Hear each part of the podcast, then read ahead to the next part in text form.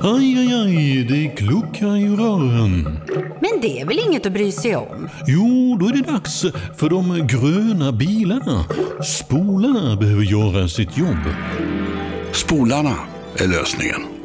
Ah, hör du? Nej, just det. Det har slutat.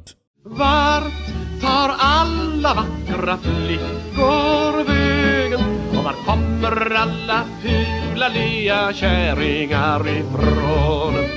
Hallå, hallå Ann Heberlein, är du där? Jag är här och du är där, hör jag alldeles tydligt. Ja, vi är på plats med lite förbättrad teknik nu kan vi väl ändå skryta med till våra Mm. lyssnare. Att vi har ju shapat upp oss lite, vi, vi, vi lär efterhand. Även två blondiner kan hantera lite mer avancerad teknik, bevisligen. Med, hur? mycket, mycket handledning och böner så kan det gå. Och mycket svordomar. Ja, mycket fula ord. Men du, eh, eh, jag tycker att vi rusar mot eh, våra irritationer för jag känner att jag har en riktig saftig grej på gång. Eh, men vill du så får du gå först. Men nu blir jag ju jättenyfiken. Nu måste jag få veta vad det är du är så irriterad av så att du eventuellt håller på att spricka. Så jag föreslår att shoot Anna-Karin, ut med det bara. Ja. Jag irriterar mig djupt på detta faktum att människor inte kan erkänna när de har fel eller när de har Mhm. haft fel. Det är ju så här att jag är med i ett tv-program som heter Vem mördade skolan? Som Mhm. handlar om den svenska skolans eh, successiva nedbrytning kan man väl säga till en Ja. verksamhet som inte liknar de fornstora dagar som den ändå en gång var. Eh, och till den här historien hör ju att det finns ju en del eh, forskare, politiker, myndighetspersoner som starkt förespråkade alla de här dåliga reformerna som skolan utsattes för.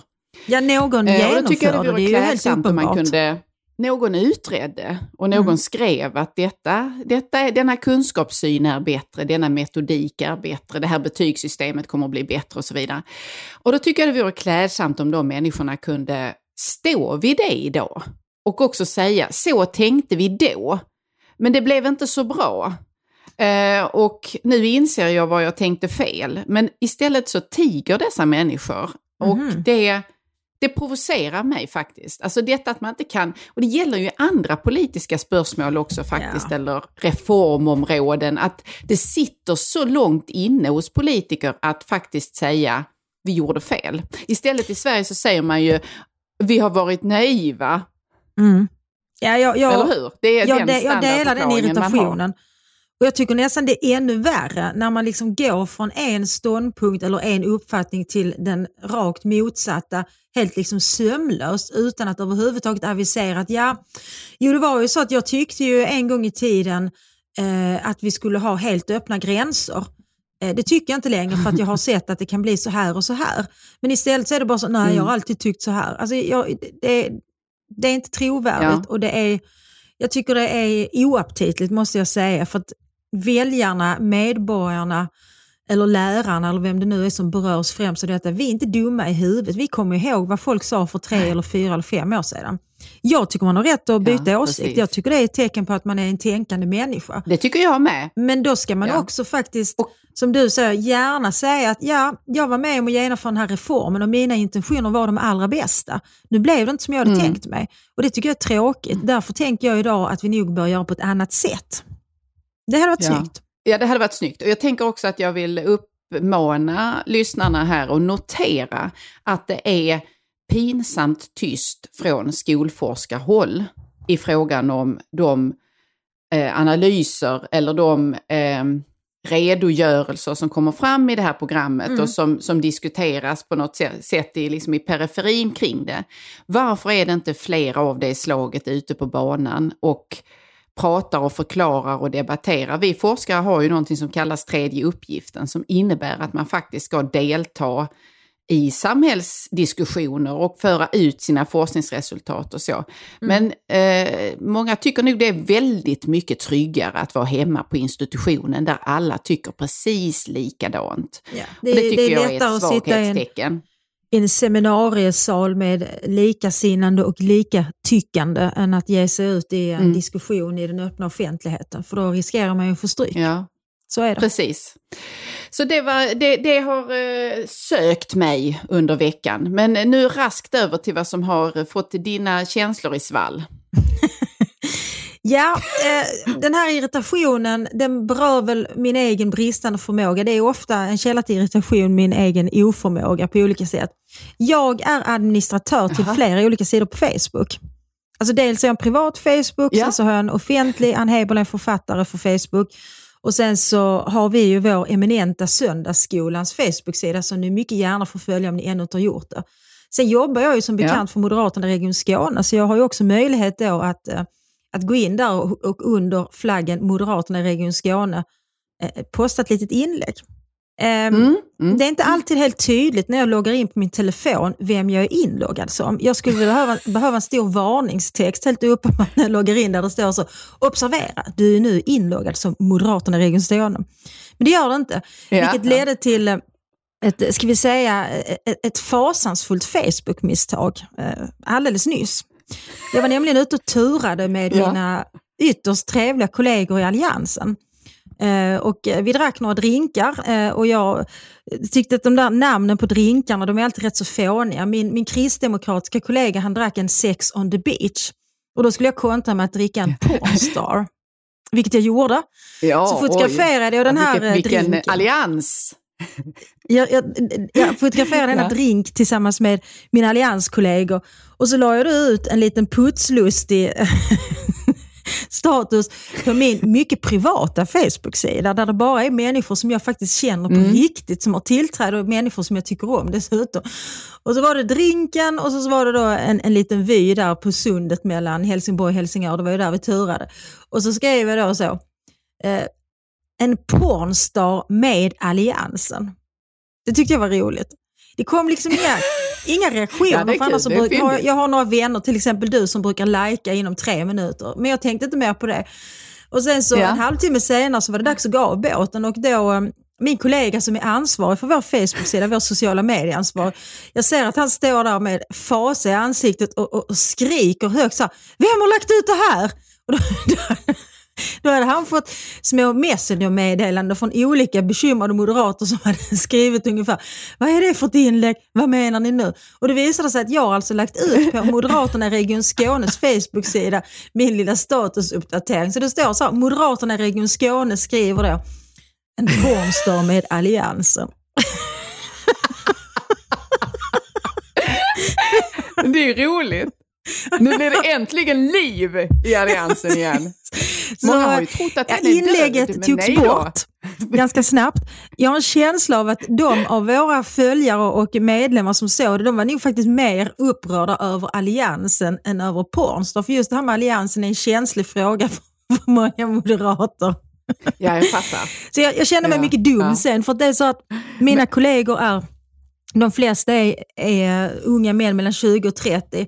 Och de tänkte väl så, liksom, ja, den här stackars äldre damen, hon klarar inte av sociala medier. och jag är inte särskilt bra på teknik. Men, men det roliga i det är ju just att ni var turade också mellan Helsingör och Helsingborg för att där, just där heter ju drinkarna lite grann fortfarande som de gjorde på liksom 90-talet. Ja. Att det är precis som du sa, eh, Sex on the beach och Pornstar och jag kommer inte ihåg mer vad de heter där. Eh, och, eh, så man åker ju lite tillbaka i tiden när man åker till, går in och dr- drinkbeställer där, du, om man nu gör det. Ja, blir alltså, det var ju att klassiskt alltihopa. eh, Får träda in i, ja precis, det var lite klass på det. Du försökte hålla stilen där på Nej, inte och klass, så gick det så klassiskt. dåligt. Det är olika sak. Det kändes lite Ja, som... klass. Det var klassiskt, ja, men det kändes lite som det fortfarande var 80-tal. Det var samma mat. Ja, det var sån här precis, skagenröra. Det var ju mycket gott, det är ju alltid gott. Och sen var det oxfilé, sen var det marängsviss till efterrätt. Ja. Så var det med det. Så att, eh, jag, jag kommer numera alltid att vara mycket noggrann med vem jag är, att kolla vem jag är inloggad som innan jag kanske lägger ut någon nakenbild på mig själv eller någonting så det inte hamnar på Moderaterna i Region Skåne. Det skulle varit Ja, mycket precis. olyckligt. Då måste man vara då måste man vara nära vän med dig om man ska få se det. Helt enkelt. Ja, jag har ju annars fått eh, en del eh, erotiska erbjudanden i min mail sista tiden efter att jag skrev den här texten i Svenska Dagbladet om impotens. Så det är en del liksom då, eh, inte icke-impotenta Ja. män som har känt sig hågade. Så jag tackar för uppmärksamheten. Ja, där ser Ja. man. Mm, ja, jo, men eh, du kanske inte ska inbjuda till fler av det slaget, eh, eh, om såvida du inte vill. Det ska ju inte jag lägga mig i, men eh, man, man vill inte ha ett alldeles för starkt flöde av den typen av erbjudande och bilder, om det nu är det det handlar om. Nej, det får bli en text i sig. Har blivit en madam med skunk bak och fram Hörru, ska vi gå över till eh, dagens ämne? Ja, för att idag är det ju faktiskt inte vilken dag som helst, Nej. denna dag som vi nu poddar. Det är ju den, den eh, första maj. Mm. Vilket innebär att det är arbetets dag också.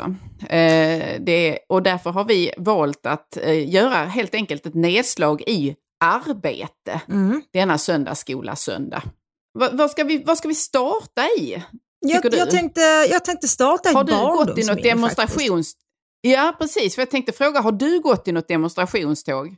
Ja, det har jag faktiskt. Jag gick i många demonstrationståg när jag var barn. Sen när jag blev vuxen och kunde bestämma själv så slutade Mm. jag gå i demonstrationståg. Men när jag växte upp så var Mm. första maj en högtidsdag.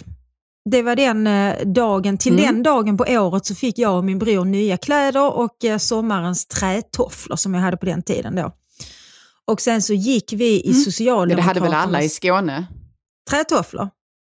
Eller toller som vi säger här. Ja, toller. Precis, toller. Ja, precis. I, iför Det, dessa de, man hade inga sandaler och sånt.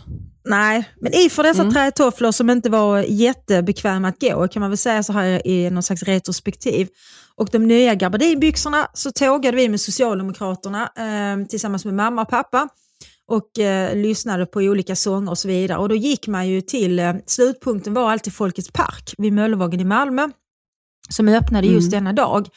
Och det var ju väldigt festligt. Jag, jag minns faktiskt när, jag kan ha varit 75, 74 eller 75 som Olof Palme första maj talade. Som jag lyssnade på. Och det kan man ju sen i efterhand förstå att det var ändå ganska historiskt att höra ett tal av Olof Palme. Men så att för mig, när jag Ja, växte upp så var första maj en, det var en festlig dag, en fin dag. Eh, så. Jag var inte riktigt säker på Mm, det var, mm.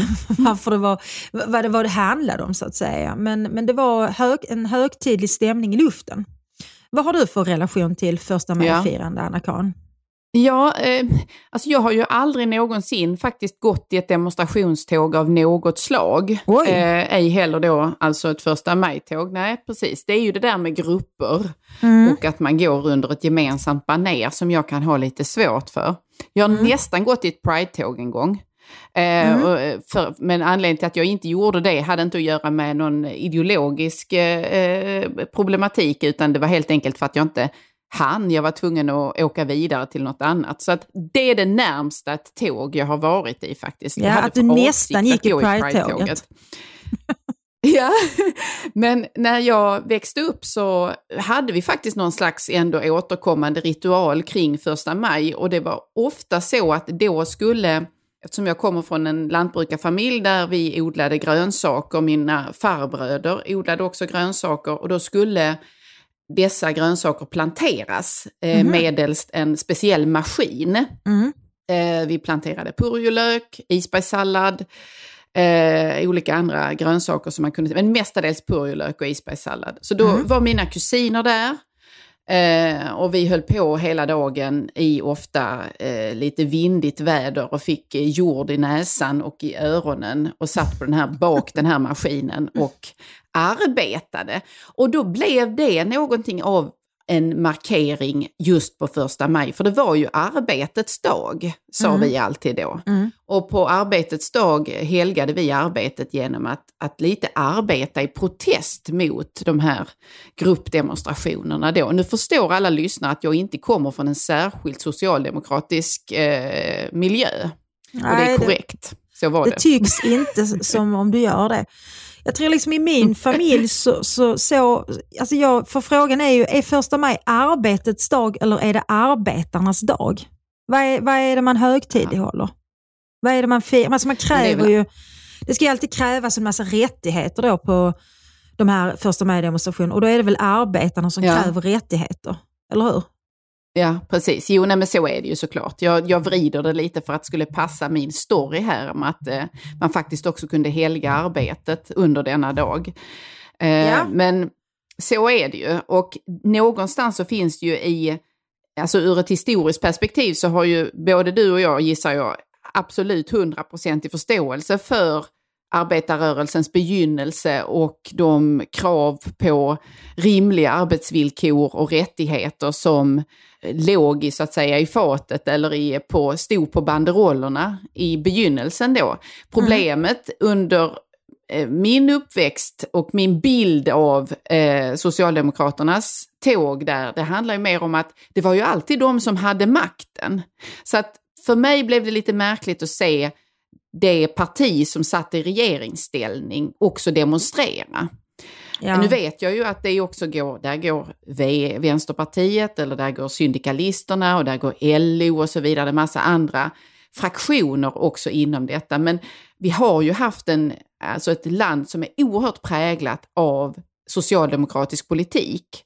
Och där blir det lite för mig att det skevar då i fråga om att man liksom demonstrerar nästan mot sig själv när man Jo. är makten. Förstår du hur jag tänker? Ja, alltså jag förstår precis och, och du, du har ju din analys är helt korrekt. Jag håller med om att det är en märklighet i det hela att Socialdemokraterna har ju haft makten så under så långa perioder och under så stor del egentligen av det moderna Sveriges historia. Så nog skulle de väl ha kunnat fixa till det så att arbetarna hade villkor som de var nöjda med.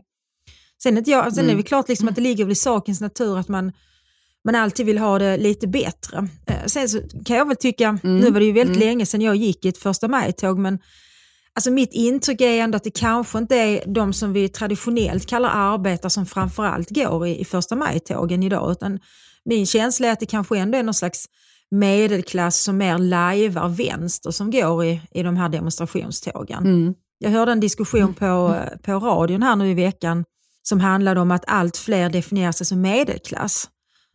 Och Mm. det är vi har varit inne på de här frågorna innan, alltså hur, hur definierar man egentligen klasser? Och, och- och finns det arbetarklass, medelklass och överklass i Sverige och så vidare? Och vad handlar det om? Handlar det om ekonomiska resurser eller handlar det om värderingar?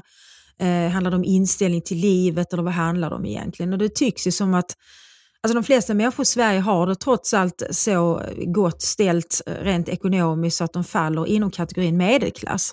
Å andra sidan nu när jag säger detta så är jag också fullt medveten om att vi just nu befinner oss i en situation med, med skenande inflation och eh, liksom hot om höjda räntor på banklån och ökade livsmedelspriser och så vidare. Men, men jag, tror, jag har ändå starkt den här känslan av att de här eh, socialdemokratiska första maj-tågen idag kanske inte framförallt liksom befolkas av hamnarbetare och fabriksarbeterskor om du förstår vad jag menar. Nej, precis. Och jag tänker också på att vi har ju en, en ny grupp av arbetare som verkligen som, som är att eh, jämföra med den typen av eh, närmast eh, livegna eller totalt, totalt rättslösa arbetare som de första industriarbetarna var i form av, jag tänker på till exempel Foodora som, vi har, som det har diskuterats mycket kring, eller de här andra liksom subgrupperingarna av arbete som, som, som är, existerar ofta helt vid sidan av de kollektivavtal och de rättigheter och de regleringar av arbetstid som vi tar för givna. De som existerar i de här sidovärldarna, sidoarbetsvärldarna, de nyttjas ju samtidigt av just den där breda medelklassen i städerna, i tätbebyggda områden. Ja, precis. De som gärna vill vara arbetarklass på första maj. Ja, och där tycker jag att det i- idag då, just första maj, skulle, om man ska sätta strålkastarljuset på något, så är det ju verkligen hur kan vi ha tillåtit att det här har vuxit fram och vad kan vi göra åt det? Vi har ju stora grupper med människor som behöver ganska enkla jobb. Och där kanske den här typen av jobb som vi ser växa fram skulle passa utmärkt. Men då ska ju de arbeta på, med drägliga villkor och dräglig lön också. Så där Absolut. finns ju någonting att verkligen ta tag i i så fall. Har blivit en madam med skunk bak och fram Men jag tänker att det är intressant också att fundera över vad som egentligen är ett arbete. Och vem som är arbetare. Alltså, om man tittar i Nationalencyklopedin som ju alltid är pålitlig så definieras arbete som den verksamhet på vilken en människa bygger sin försörjning. Och Det kan man ju göra på väldigt mycket. Man kan ju ägna sig åt kroppsarbete, man kan skriva och få betalt för det om man har tur. Man kan också sitta Mm. och köpa och sälja aktier och tjäna pengar på att bara handla med pengar egentligen. Och så vidare. Så det finns ju en mängd sätt att, att bygga sin försörjning på som inte kanske traditionellt faller inom det som vi, vi ser framför oss när vi talar om arbete. Eh, och kanske framförallt inte när vi talar om arbetaren. Eh, minns du den där texten som eh, Isabella Löwengrip som på den tiden eh, gick under namnet Blondinbella när hon var en ung Ja, muffbrud. Hon skrev en text eh, i samband med eh, julafton och eh, den här Ja. julsagan av Tage Danielsson. Vad heter det nu? Karl-Bertil Jonsson. Jonsson. Mm. Ja, där, där hon då lanserade idén att, att hon kom ifrån en släkt där alla hade arbetat hårt och därför var arbetare. Ja. Och så då refererar hon till sin far som var eh, egenföretagare och så vidare. Liksom. Och den Mm. väckte mycket ont blod. Jag menar i sak har hon rätt. Det är väl klart att man, man i någon mening är en arbetare också om man eh, har gått på Handelshögskolan eh, och jobbar eh, med finanser. Om man är en arbetare om man är jurist och kanske arbetar 12 timmar om dagen. Man är också en arbetare om man är som jag och jobbar med politisk kommunikation på olika sätt Mm. det, det är liksom också något, alltså det finns en Jo. glorifiering också av arbetare som någonting som ja, det är, gör det. Jo, Ja. en, Precis. Nej, nej men jag tänker på, eh, du nämnde ju att du hade eh, haft eh, förmånen en gång i din barndom att lyssna på Olof Palme. Mm. Och jag, jag vet att jag lyssnade i- vid ett tillfälle på en, och det finns ju en väldigt romantiserad bild av honom för att uttrycka det milt.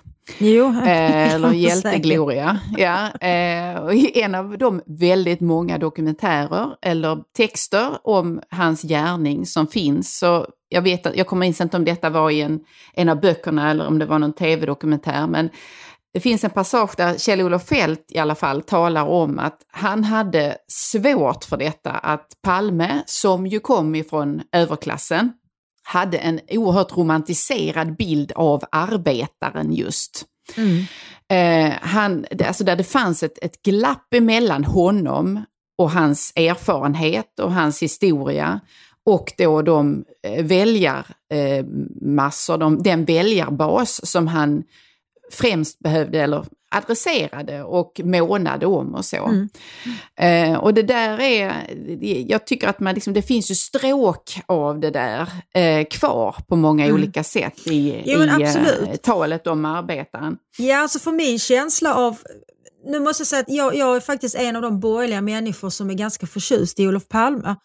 Eh, Ja. och jag, jag blev, eh, jag måste säga att jag, jag, jag hade inte förstått att det fanns ett Palmehat förrän jag träffade min man för, vad är det, Nej. sju, sex, sju år sedan.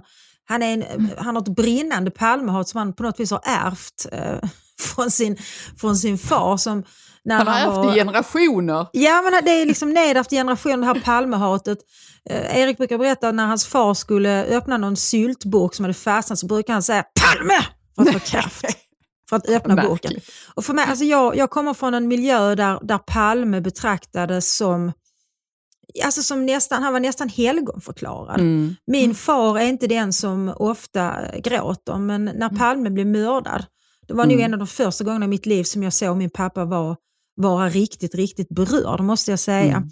Mm. Så, men, men Palme var ju verkligen inte arbetare själv. Palme var ju intellektuell. Och på det Ja, sättet precis, var han ja. ett ganska säräget djur, den politiska, svenska politiska Definitivt. floran. Det kanske fanns Ja. fler intellektuella politiker på den tiden, men idag, jag, jag, ja, jag kan inte räkna det på det, inte ens ena handens fingrar. Liksom. Det, det, det finns inte intellektuella politiker på det sättet längre.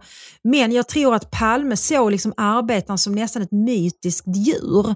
Att jag tror inte Ja, han hade så mycket precis. kontakt med arbetare själv, utan för honom var det Nej, men det var liksom, han hade läst eh, marxistisk teori som alla andra och hade säkert läst eh, mycket fin arbetarlitteratur av Ivar Lo och Moa Martinsson och så vidare och glorifierade då den här exotiska människotypen. Det är i alla fall Mm. eh, mitt intryck av det hela.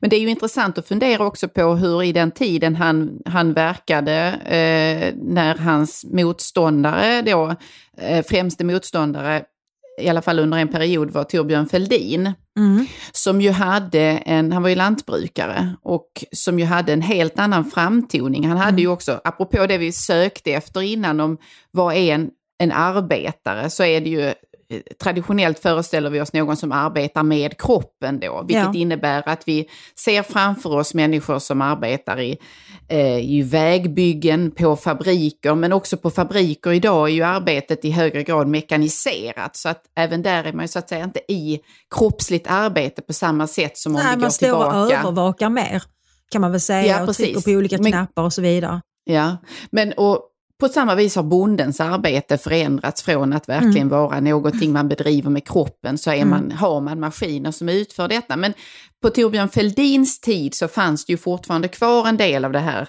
liksom huggandet och slitet som, som sätter sig i kroppen. Och det där gick ju på ett sätt och vis också igenom i hur de liksom retoriskt närmade sig sina väljare och de politikområden som de ofta liksom var i konflikt om, där Palme var väldigt eh, animerad och aggressiv i sin retorik, medan Mm. Fälldin hade den liksom sävliga, han var mer och mer sparsmakad med orden ju mer Palme gick på. Det finns ju flera debatter man kan faktiskt titta på på YouTube, tror jag de ligger, eh, om man vill se de här, alltså för just man relaterar det till det som är vårt ämne här och se hur stilen speglar deras olika liksom, bakgrunder och personligheter, rätt så intressant. Mm. Det, var, det, var, det var bra debatter på den tiden.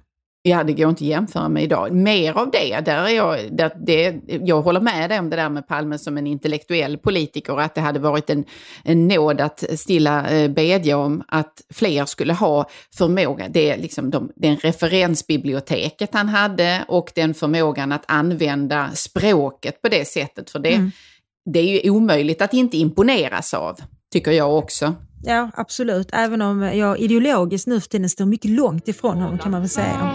Nu snarkar han när det inte kluckar i Men om vi ska röra oss lite från, eh, alltså vi har nu varit i, i eh, det klassiska arbetet då och försökt att liksom eh, reda ut vad är det och vad är det inte. Så där de flesta idag, i vår del av världen i alla fall, arbetar så ser det ju, är det ju, det är mycket, det är mycket mer datorer och inte så mycket papper ens. Eller Mm. mycket mer kontor och eh, inte ens 9 till 5 arbete heller eftersom att vi styr våra arbetstider ganska fritt. Även om man är, eh, man behöver inte arbeta vid ett universitet som jag gör där man styr sig själv väldigt, väldigt fritt. Men vi har ju en helt annan struktur i arbetet, också delvis givet av pandemin som så att säga har fått en hel del att släppa därvidlag. Mm. Jo, men alltså, vi, vi har ju en väldigt stor tjänstemannasektor idag, någon slags white collar sektor.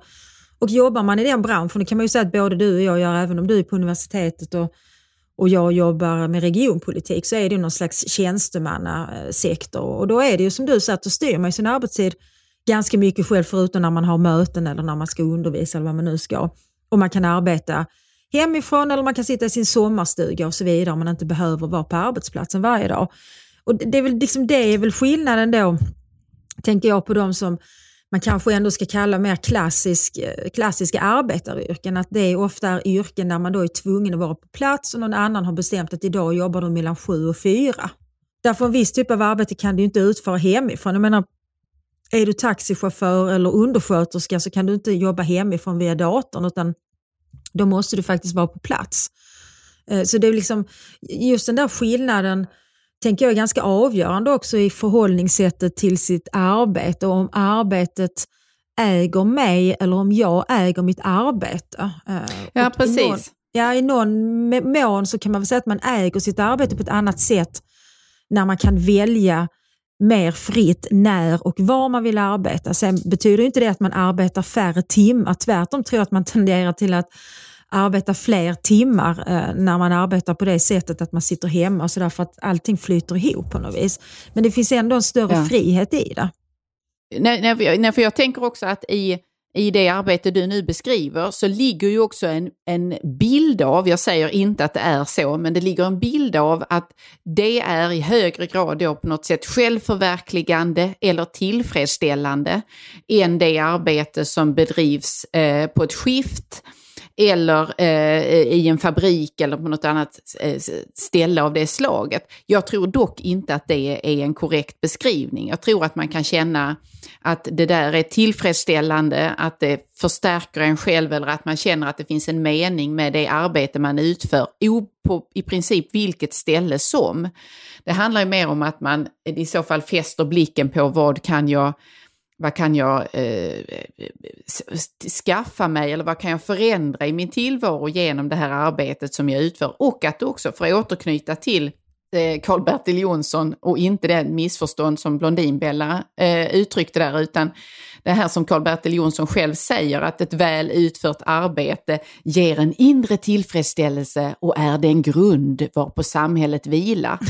Det, det är ju det är väldigt lillgammalt då för att komma från en gosse som Karl-Bertil, men det är ju sant. Alltså yeah. att, oavsett var du utför ditt arbete så känner du att du har gjort det så gott du kan, så kan det ge någon slags känsla av tillfredsställelse. Och gör man inte det så raseras ju väldigt mycket i i samhället så att säga. Jo, men, men, men det jag tänker, jag vet inte om det är detsamma som självförverkligande eller om det kanske mer handlar om meningsskapande. Jag tänker på myten om Sisyfos som ju som bekant som fick i straff av gudarna att rulla en sten upp för en kulle. Och när han mm. hade kommit till krönet av kullen då rullade stenen ner igen och så fick han börja om från början igen. Och många arbetsuppgifter är ju på det sättet att när du väl har baxat upp stenen eh, så rullar den ner och så får du börja om från början. Jag menar, så är det liksom, man, man, man sitter där och går igenom alla sina mejl på morgonen och det tar sin rundliga stund att svara på alla mejl och sen så medan man gör det så plingar det in nya hela tiden. Alltså, ja, det, men, men är, det inte, är det inte Camus som har skrivit att vi måste föreställa oss att Sisyfos var lycklig? Jo, det är absolut Camus. Eh, mm. Och det var väl lite dit jag var på, på väg. att Camus han, han konstaterar då, tror jag mycket riktigt, att vi måste föreställa oss att Camus trots allt, eller att Sisyfos trots allt, Camus kanske, jag vet inte om Camus var så jävla lycklig, men han påstår Han var mer neutral. han var likgiltig. kan vi påstå i alla fall att vi måste föreställa oss det. Och det säger han mot bakgrund av någon slags insikt om människans natur, att människan har en, en oerhörd förmåga egentligen att, att skapa mening av någonting som är meningslöst. Ja, precis. Och det ja. gör vi för att vi ska överleva. För, för hade vi liksom Alltså livet är väldigt mycket upprepningar och det är ju mm. tydligt inte minst när vi arbetar. Nu, nu är jag mitt inne här på vägen i en valrörelse mm. eh, och, och, det kommer komma nya valrörelser. Det, det, är liksom, det skiljer sig inte åt så mycket mellan gången och ibland förlorar man och ibland vinner man och då kan man fråga sig vad är poängen egentligen. Men, men för, att, för att orka att hantera den där stenen, eh, eller vad man nu gör, så måste man föreställa sig att det här faktiskt är meningsfullt. Eh, men jag är inte säker ja. och det är klart mm. att, det med, att, att uppleva saker som meningsfulla är väl möjligtvis en del i självförverkligandet. Men jag tänker också, du känner till såklart Maslows behovspyramid. Ja, precis. Där vi alla ja. har gemensamma grundläggande behov av trygghet, gemenskap, uppskattning och så vidare. Alltså, först och främst måste vi ha naturligtvis sömn och föda och, och, alla de där sakerna. Men sen behöver vi också de här andra sakerna. Och där finns självförverkligande med i hans behovspyramid. Ehm, och jag, jag tror att, att det är viktigt med självförverkligande. Det vill säga att i någon mening närma sig den man vill vara, eller förverkliga idén om den man man är och vill vara och så vidare. Men man behöver inte göra det genom att arbeta, tänker jag. Nej. Nej. Arbeta mm. måste vi alla göra för att vi måste försörja oss.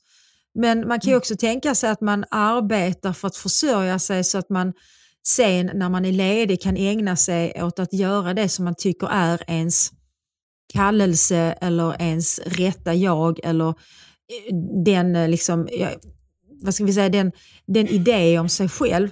Jag hörde på var ett reportage på radion för några veckor sedan där de eh, intervjuade en kvinna som var aktiv i hemvärnet. Och jag tyckte det var så intressant mm. för att hon berättade då, jag tror att hon, hon arbetade som eh, eh jag tror hon arbetade i en matvarubutik som kassörska eller något sånt och så berättade hon att Mm. Att när hon tog på sig uniformen då, alltså när hon tjänstgjorde i hemvärnet, då upplevde hon på något vis att hon, hon blev en annan person och att hon fick större auktoritet och pondus och kände en större säkerhet i sig själv. Och Det tänker jag är ett exempel på en människa som kanske inte förverkligar sig själv när hon sitter i kassan på ICA, utan när hon på ja, sin fritid då, eh, engagerar sig i hemvärnet och upplever att hon bidrar till att hålla Sverige tryggt och så vidare.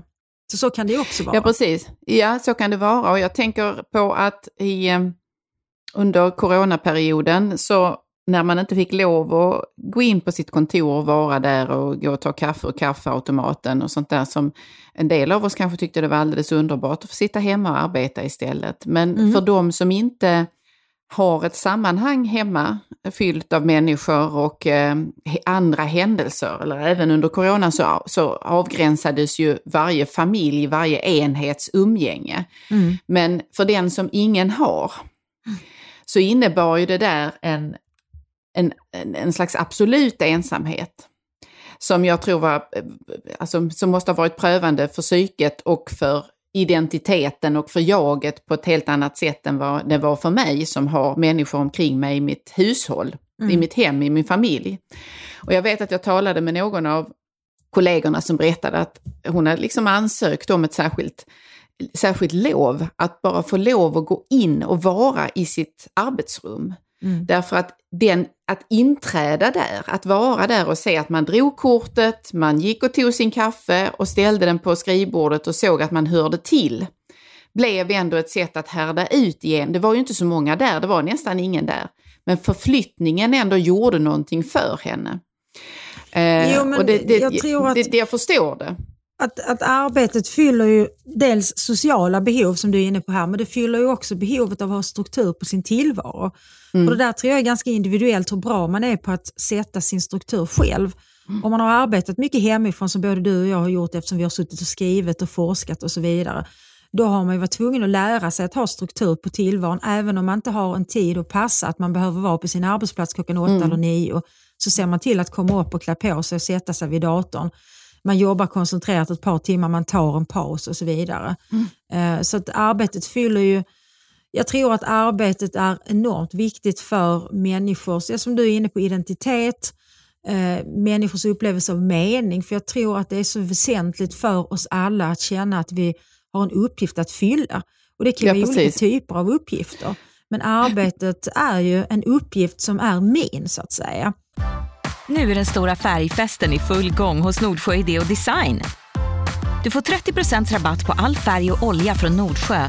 Vad du än har på gång där hemma så hjälper vi dig att förverkliga ditt projekt. Välkommen in till din lokala butik. Nordsjö idé och design. Jakten på mördaren är tillbaka med säsong 18. Tio nya mordfall som skakade världen och polisens jakt på mördaren. Först ut denna säsong kommer du få höra fyra av Sveriges mest gripande och mest omskrivna fall.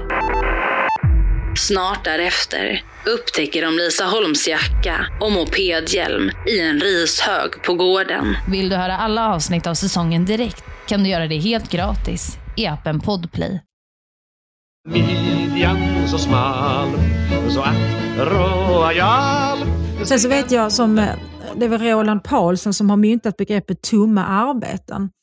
Ja. Som eh, definierar en del arbeten som tumma då för han menar att de är uppfunna på något vis. Att de är inte produktiva och jag tycker att det är ett lite jag vet inte, det, det är lite föraktfullt eh, att avfärda och det är väl i och för sig arbetsuppgifter Kan, han ge något exempel? kan du ge något exempel så att vi, vi förstår vad han menar? Kan du, kommer du ihåg någonting av dem han illustrerar detta begrepp Jag har en vag med? idé om att han till exempel kan eh, tänka, alltså det, det finns ju Alltså administratörer är också bra på att uppfinna olika saker, alltså olika saker som ska fyllas i och blanketter och det ska krånglas och undersökas Ah. och dokumenteras och sådär. Eh, Jag vet en yrkeskår som ju ofta blir illa ansatt och detta vill jag inte på något sätt anklaga Roland Paulsen för, för jag vet inte om han har skrivit om det, men det finns ju en växande eh, grupp av kommunikatörer i både kommunal och regional verksamhet och även Ja. privata eh, verksamheter har också. kommunikatörer. Och det är väl en sån yrkeskår som en del människor rynkar på näsan åt och tycker att eh, vad ska de vara bra för? Eh, Men, men jag menar, liksom, vi, vi uppfinner ju de funktioner som behövs i någon mening och behövs de inte så kommer de ju försvinna av sig själva. Och uppenbarligen har vi mycket svårt att kommunicera just nu eftersom vi har så många kommunikatörer som ska lösa detta till ja. Så kan man väl tolka det. Men det ja, precis. Nej, men och det om... Jag kan väl hänga med i hans resonemang. Jag skulle inte dra det så långt heller som att säga att något av det slaget är ett tomt arbete.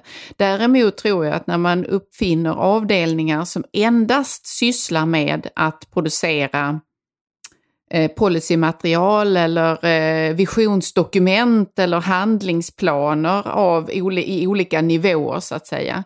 Som arbetar då väldigt mycket med kommunikation men som har lite kontakt med den faktiska verksamheten som den här handlingsplanen eller eh, Mm. policydokumentet beskriver. Då uppstår ett gap emellan där arbetet utförs och där tankeprocessen pågår då kring att liksom dirigera, strukturera det här arbetet som är ogynnsam för de sen som befinner sig i ja, olika besvärliga situationer som det där visionsdokumentet då ska, ska lösa åt den, eller policydokumentet. Och jag, har, jag har befunnit mig på sådana arbetsplatser och det är jag vet att jag, jag har då ibland tänkt på den här filmen i huvudet på John Malkovich. Mm. Därför att där eh, har vi ju en huvudkaraktär som är, han är typ marionettspelare eller dockkonstruktör eller något liknande. Mm. Som för att försörja sig så tar han jobb som kontorist på våning 7,5. Och det, den är, alltså 7,5 det betyder att det är väldigt lågt i tak där så man får gå och liksom huka hela tiden för att kunna röra sig. Ja, just det. Jag, jag, jag minns. minns. han förstår inte riktigt vad det är de gör. Det är väldigt mycket papper, Mm. det är väldigt mycket så utskrifter och, och mappar och sånt. Men ingen liksom riktigt greppar vad det är som sker där.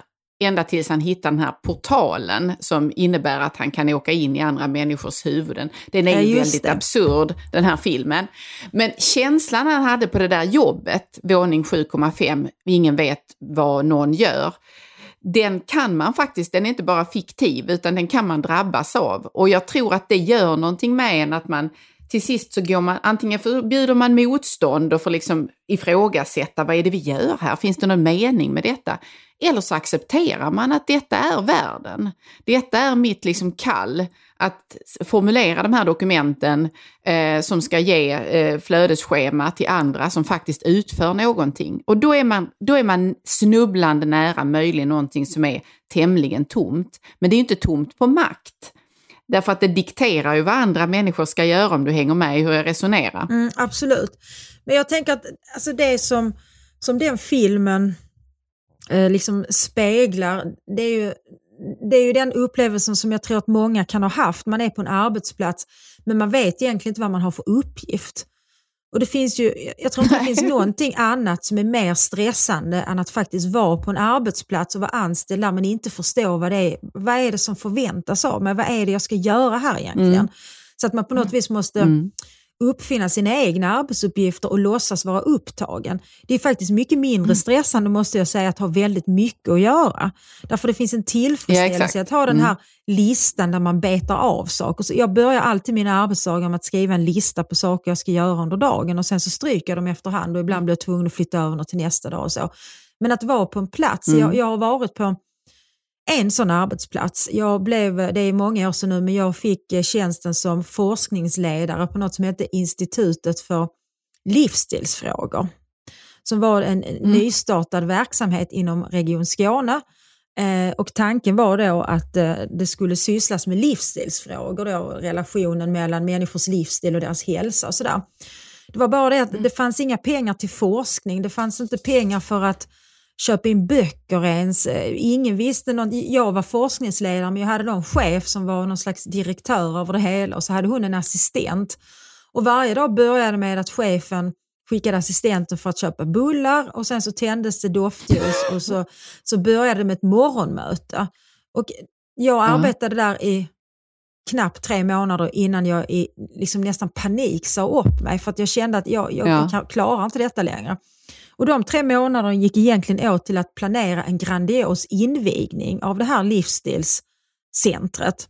Eh, Och en av de Ja. sakerna som det lades väldigt mycket tid på det var det köptes in en råsaftscentrifug. Och sen så testades det olika blandningen av Men Ann, blandningar. detta låter, det, det, du har hittat på detta, det kan inte Nej. vara sant. jag önskar att jag hade hittat på det. Men alltså det var fasansfullt. Eh, så när vi var iväg på en, eh, vi var en weekend på eh, det som då hette Sturups flyghotell och spa och skulle då planera verksamhetsåret. Och jag satt där liksom eh, och den här chefen hon blev bara fullare och fullare och allting. Så till slut reste jag bara mig upp och sa jag, jag klarar inte detta därför att det finns ingen verksamhet här. Jag kan inte uppfinna någonting som inte finns. Jag säger upp mig nu. Eh, Ja. och det var inte så populärt Ja, men- kan jag säga. Så jag sa upp mig på stående fot och sen så, så den person som hade kommit tvåa då, för det var ganska många som sökte den här tjänsten, så han som kom tvåa Ja. eh, i rekryteringsprocessen började då jobba ganska omedelbart. När han hade arbetat där i två veckor så ringde han mig och sa skulle du kunna träffa mig? Så träffades vi på ett fik i Malmö och så sa han att jag, jag, jag, jag är förtvivlad för jag förstår inte vad, vad det här går ut på. Vad är detta för något? Är det bara någon kulissverksamhet? Sen jobbade han kvar ytterligare några månader innan han också sa upp sig. Och sen rekryterades en tredje eh, forskningschef som jobbade där till the bitter end. För sen la man ner hela det här institutet efter ungefär två års icke-verksamhet. För då, tyckte väl, då, då gjorde väl Jag Region. Skåne någon utvärdering och så att miljonerna rullade men ingenting kom ut av det. Och det var en Det var en fasansfull dyr arbetsplats. centrifug. Ja, det var hemskt. Just det där för att jag hade ingen aning om vad jag Men- skulle men- göra. Nej, men jag tänker att det här är ju, alltså denna sedelärande historia säger ju också, illustrerar ju också detta som man, oberoende av var man, vilken verksamhet eller vilket arbete man har, så kan man hamna i ett sådant läge att man måste bestämma sig för, är jag, tänker jag spela med i den här Mm. farsen? Eller ska jag säga ifrån? Eh, och det, det tror jag nog att man under en yrkeskarriär så kommer alla förr eller senare att hamna i ett sånt läge. Och där man blir prövad i fråga om att är detta vettigt? Är detta ett, ett rimligt sätt att arbeta på? Och om man, som i detta fallet, man arbetar på offentliga medel, på skattemedel, då blir ju den där frågan ganska akut. Tycker Ja, jag. alltså jag tyckte är att det det var moraliskt omoraliskt på något sätt. Och, ja, precis. Eh, och det, det, där prövas man i den stunden och jag skulle önska att fler hade då liksom eh, ryggrad att sätta ner foten och säga det här är, inte, det här är en bluff. Det här kan inte få fortgå. Ja, men, så- men många tycker ju om att få färskpressad juice på morgonen. Eh, det, det kan förföra många att stanna kvar, tänker jag. Jo, fast det är inte så enkelt. Alltså, det handlar ju också om att ha möjlighet. Alltså, då var Ja, jag jag, i den, Mm. I den eh, förmånliga sitsen att jag hade tagit tjänstledigt från ett annat jobb. Eh, Jag hade en postdoctjänst Mm. på Stockholms universitet på filosofen där. Men, men hade jag varit i den situationen idag, om jag idag hade varit på en arbetsplats som jag tyckte var fasansfull, så hade inte jag kunnat säga upp mig så lättvindigt. Därför att när man är över 50 som jag är, även om jag har en lång utbildning så är det mycket svårt för mig att hitta ett arbete som eh, liksom Mm. medger de förmåner som jag har i mitt nuvarande arbete. Så idag har jag tänkt mig för mycket, mycket noga. Och så är det nog Ja. för många människor som sitter fast i situationer som de inte riktigt gillar och som de inte mår bra av. Att någonstans så måste ändå pengarna in. Liksom. Jo, precis. Men det, jo, men det jag säger här är ju mer att man, kan, man måste ju starta i att ifrågasätta saker på arbetsplatsen. Man Ja. behöver ju inte börja med att säga nej nu slår man även i bordet och går på, på dagen. Utan man kan ju i alla fall resa sin röst och fråga är detta, är detta ett, ett, ett eh, rimligt sätt att använda arbetstiden på? Så det tror jag nog fler skulle kunna ställa Jo, den frågan utan att för den skull riskera sin försörjning. Ja, jag vill bara, jag tror så att, att anledningen till att få, alltså för att få faktiskt kritisera sin arbetsgivare eller arbetsförhållande, så det är ändå att det finns en rädsla för att faktiskt missgynnas av det, att kanske inte få förlängt. Många jobbar ändå liksom under ganska prekära arbetsförhållanden. Det är inte alla förunnat att ha en Ja. Fast, jag har inte fast anställning, jag är anställd mandatperioden ut och sköter inte jag mig så får inte jag vara kvar nästa mandatperiod. Liksom. Och så är det för ganska många människor, att man går på korttidsvikariat eller man går på timmar eller vad man nu gör. Och då är man väl rädd för att om man, om man liksom kritiserar och har synpunkter så är man inte den som står först i kön sen för att vara kvar. Eh, samtidigt kan man ju Nej. säga att om fler kritiserade när det finns anledning till det så hade man ju inte blivit lika sårbar naturligtvis. För då hade man ju på något vis Nej, delat på risken. En madam med skunk bak och fram Men vi kanske har några trevligare yrkesrelaterade historier att bjuda på. Ja, för jag tänkte att vi skulle kunna glida över i att tala om att det, kontrasten till arbete är ju fritid. Mm. För att i mycket av det som är skildringar av, i, om vi tittar på eh, i en del skildringar av arbetet och vad arbetet gör med en, så kommer då när man glider över i att arbetet inte längre finns för att bilda en brygga här till din berättelse om att säga upp sig och risken med att göra det, då uppstår tomhet och Mm. ingen ram och ingen struktur. Och där den, alltså när arbetet har jag tycker inte om att säga definierat det än, men alltså skapat den grunden för vilken eller vem man är, så blir frånvaron av arbetet så, alltså det skakar en så i grunden att man kanske inte helt enkelt klarar ut den existensen. Jag läste om eh, eh, den här Vem, Vem älskar Yngve Frej? Mm. som är en underbar liten Slas. pärla. Precis. Och han använder hela tiden i den uttrycket, det här är människorna, det, här, det handlar om människor som har gjort sitt. Mm. Eh, de var färdiga, de hade arbetat. Det är ett förfärligt uttryck men han gör det med en sån stil och han använder det så frekvent i texten Mm. så att läsaren förstår att det här är så de var lärda att se på sig själv också. Att när man har arbetat färdigt, när man inte längre är till någon nytta i eh, som brevbärare eller fotograf eller eh, lantbrukare, då har man gjort sitt. Men deras skräck är också detta med fritiden. Vad ska jag fylla min tid med nu när jag har gjort mitt? Och det här man har, finns nästan ett litet av ett förakt mot fenomenet fritid. För det är sådana som så att säga inte duger någonting till eller som inte riktigt har någon stomme i sig som bara har det här med fritid. Det är människor som kommer ifrån stan också som har fritid och sådär. Mm. Och eh, för att kontrastera den mot en annan sån här arbetarberättelse så tänker jag på Åsa Linderborgs Mig äger ingen, där pappans slit på eh, verket där och när han blir av med sitt jobb av olika skäl så, så faller allting ihop.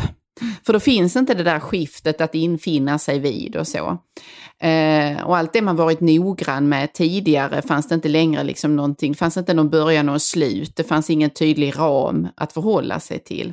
Och det tycker jag är en intressant eh, liksom, kontrastverkan av detta med arbete. Att vad det ger och vad det tar ifrån en.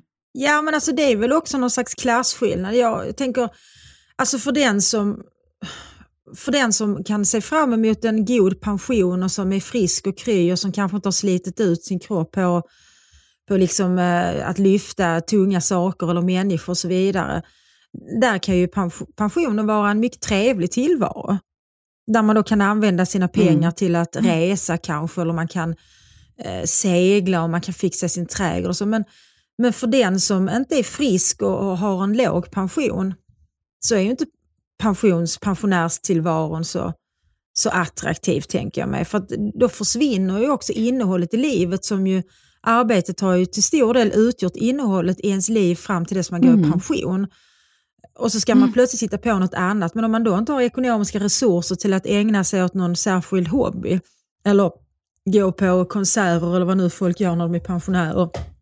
Då blir ju fritiden i den meningen ett hot snarare. Alltså det blir ju det blir en stor tomhet. Ja, precis. Så, nej, men jag tänker också på, det är ju ett, ett er, välkänt faktum att det finns med väldigt många pensionärer i Sverige, särskilt kvinnor, som har väldigt, väldigt låg pension. Mm. Och för, precis, för vilka det är precis så som du beskriver, att tiden, månaden, blir väldigt lång därför att pengarna tar slut tidigt och man måste så att säga vända och vrida på varje öre för att eh, man ska ha mat och klara av att betala hyran. Och precis det som vi talade om inledningsvis här när vi har stigande priser och där Mm. priserna på livsmedel går upp för de här grupperna som har arbetat.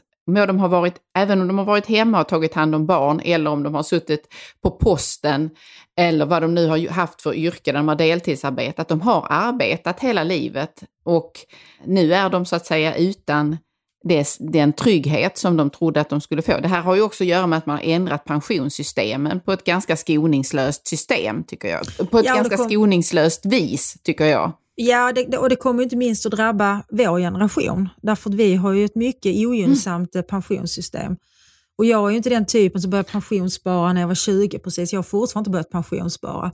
Eh, Jag har aldrig planerat så Nej. långt i förväg kan man ju uttrycka det. Men jag måste ändå säga, jag, jag var på seniormässan här nu här förleden, den, den hölls i Ja. Malmö. Eh, och då slogs, slogs jag ändå av det att, att för väldigt många så är också pensionärstillvaron väldigt angenäm. För det var liksom på den här pensionärsmässan, dels för det är många besökare som då var pensionärer såklart, som var friska och glada och pratsamma och kvicka och roliga och så vidare. Men sen så de som, som var där som utställare, dels var det ju en massa politiska partier, det var därför jag var där, men sen var det också researrangörer och det var eh, kampsportsförbund och, eh, och så vidare. Så det verkar ändå som att det- det kan vara en ganska trevlig tillvaro om man förmår att Ja. fylla den med någonting som faktiskt är meningsfullt. Och allting behöver ju inte heller kosta pengar. Så det är inte bara, jag Nej, tänker att precis. ibland när man talar om, om, pensionärer eller om människor över 70 så hamnar man i en, i en stereotyp om att alla är liksom objekt för vård och omsorg när de i själva Mm. verket, vi är ju friskare än någonsin och lever länge eh, i Sverige idag. precis. Så det är ju en Mm, tid att ta mm, tillvara mm. på också men jag, jag väntar gärna ett tag till kan jag väl säga.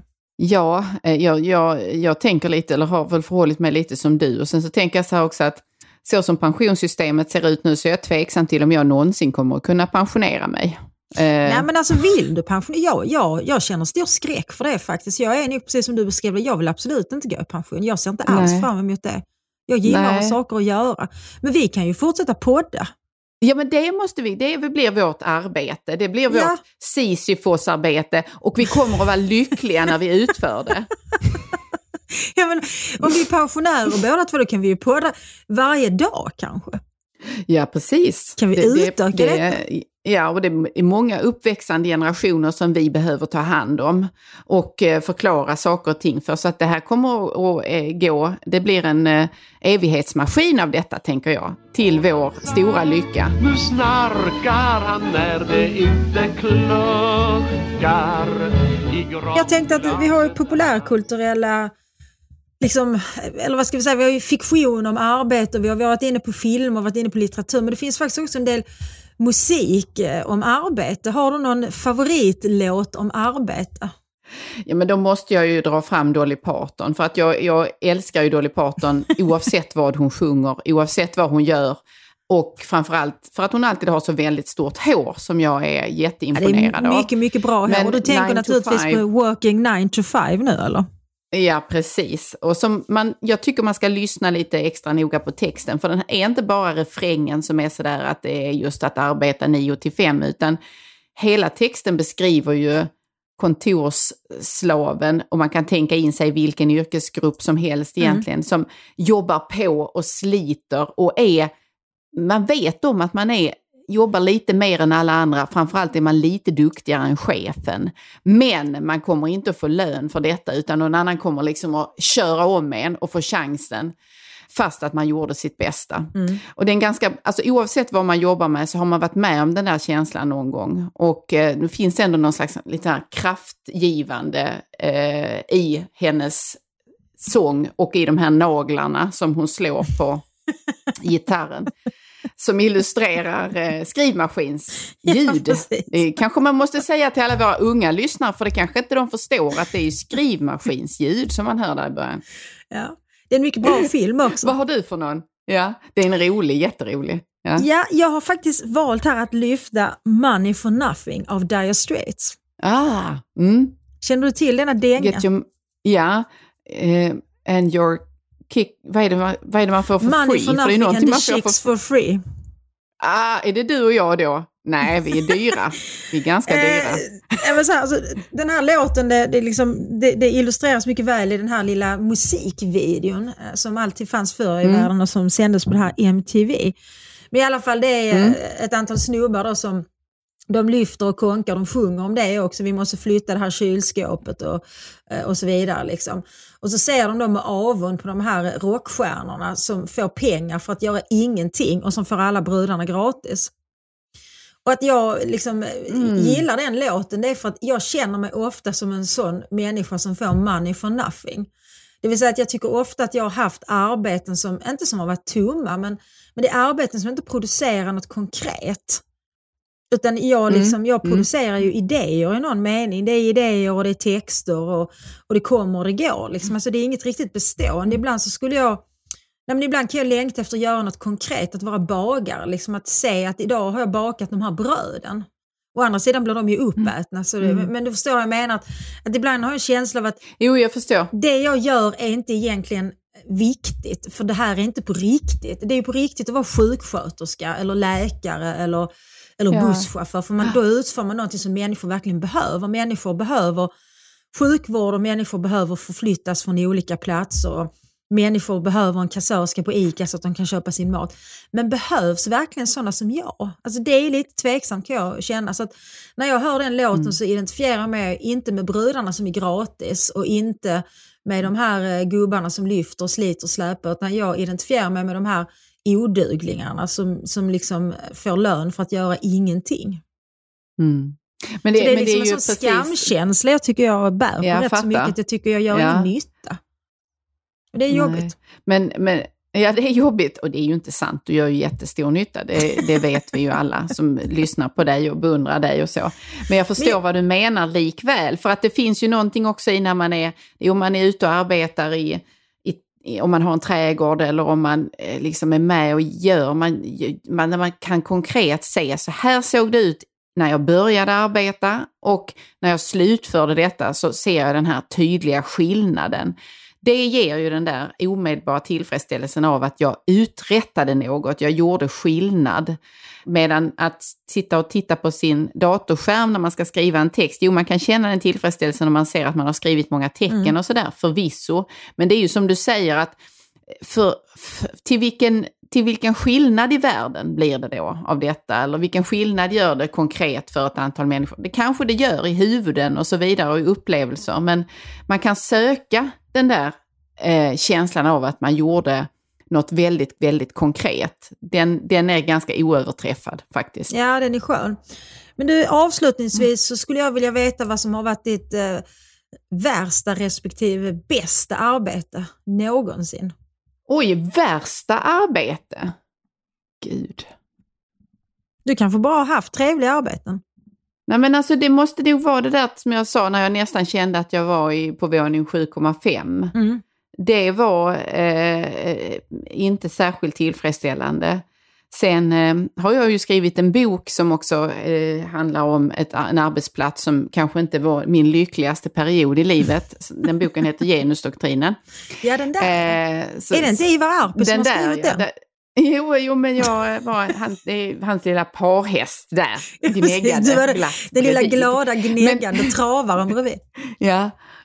Men jag måste säga att jag hade ett, inte ett, verkligen ett värsta eller bästa, men märkligaste jobb Mm. måste varit, alltså när mitt sommarjobb som var under många, många år på ett företag utanför Landskrona som heter Hilleshög, där jag arbetade med att kontrollera sockerbetsfröplantor Mhm. eh, och kollade i vad mån de var fertila, semifertila eller sterila eller semisterila. Ja, det var mycket Jesus. avancerat.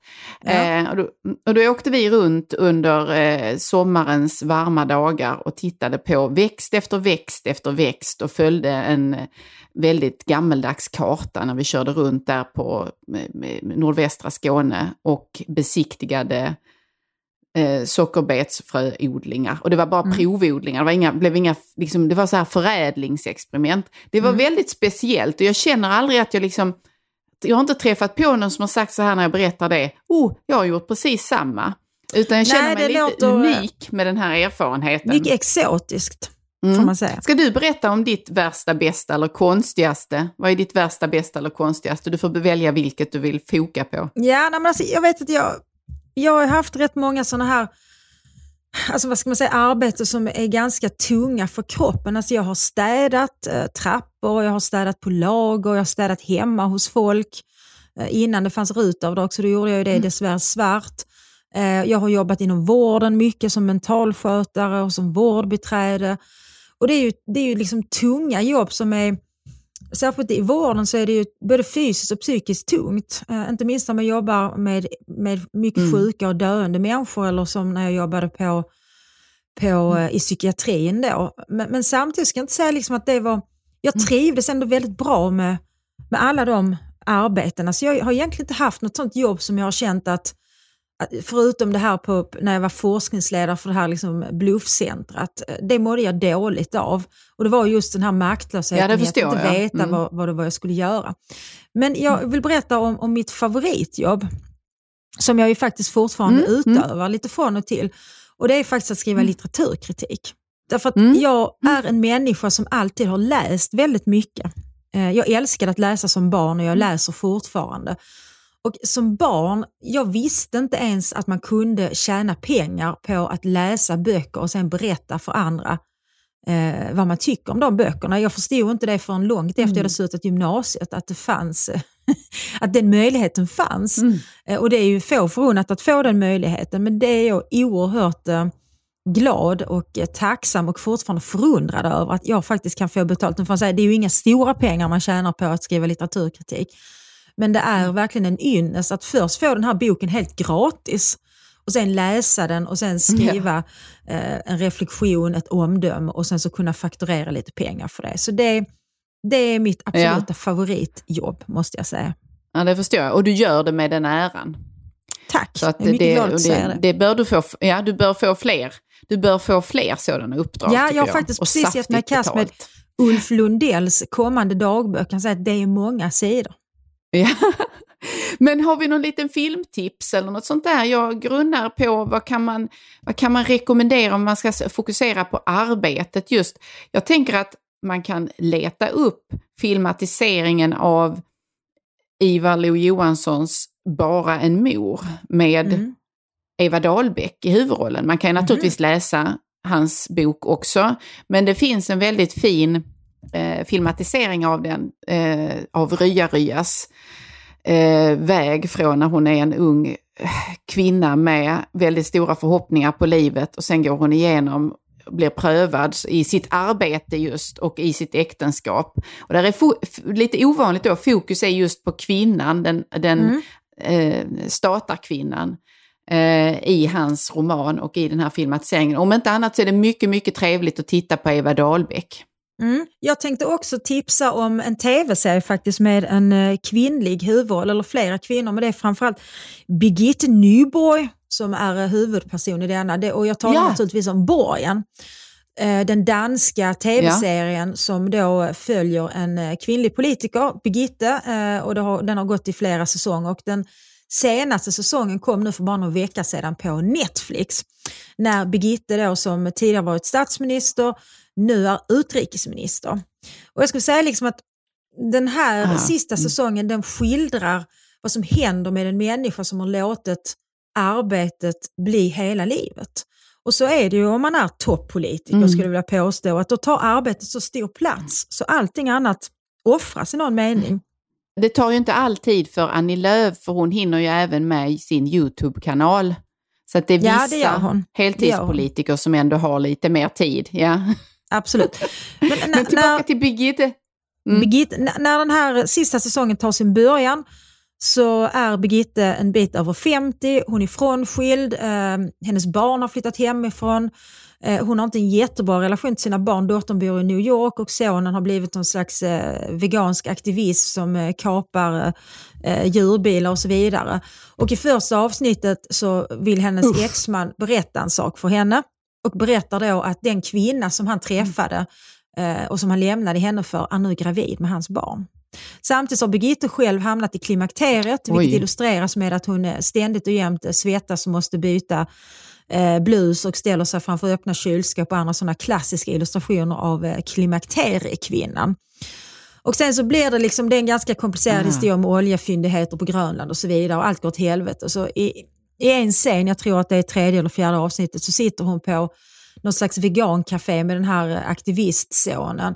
Och så tycker han, men, men mamma, liksom, du, du, du, liksom, du måste hålla fast vid dina ideal. Du, du kan faktiskt lämna det här. Det gjorde du ju en gång innan. Och hon lämnade ju faktiskt eh, sin roll som Mm. statsminister då för att försöka reda ut sitt privatliv.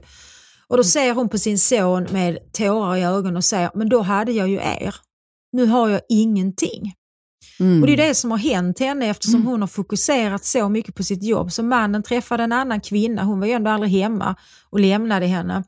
Eh, Och barnen, ja de blir vuxna och flyttar hemifrån och det finns en, en rätt så tydlig besvikelse från båda barnen i relation till, till mamman då som ju har, har liksom prioriterat sitt arbete hela livet. Hon har heller inte några nära vänner för det är mycket svårt att ha nära vänner när du är toppolitiker för alla kan förr eller senare sticka dig i ryggen med en Mm. jävla kniv så du vågar inte anförtro dig åt någon. Och jag tycker det är en ganska intressant skildring av dels vad arbetet betyder för någons identitet men också vad arbetet gör med dig om du låter det ta över ditt liv helt. Så det är lite varningens signaler där kan Ja, man säga. precis. Ja, just det. Jo, och att man, vi kanske ska avsluta detta med att säga att vi har hyllat arbetet idag på arbetarnas dag. Mm. Eh, men vi samtidigt vill skicka på med en liten, en liten erinran om att det är nog väldigt få som på sin dödsbädd ångrar att de inte arbetade mer. Utan om man ångrar något är det nog andra saker. Så att man kan väl tänk, ta, njut av den lediga dagen och eh, arbeta inte ihjäl er. Nej, du är så klok Så, Anna så ses vi om en Ja, ja, jag känner det. Det kan bli en bok det här. Alltså, det det, blir kan bli bra. en krönika i alla fall. Nu lägger vi oss Ja. på divanen med varsin pralinask. Så hörs vi nästa söndag igen. Ha det bra. Det gör vi. Hej då. Vart tar alla vackra former vägen? Och var kommer alla hakorna på makorna ifrån? Nu är den stora färgfesten i full gång hos Nordsjö Idé och Design. Du får 30% rabatt på all färg och olja från Nordsjö. Vad du än har på gång där hemma så hjälper vi dig att förverkliga ditt projekt. Välkommen in till din lokala butik.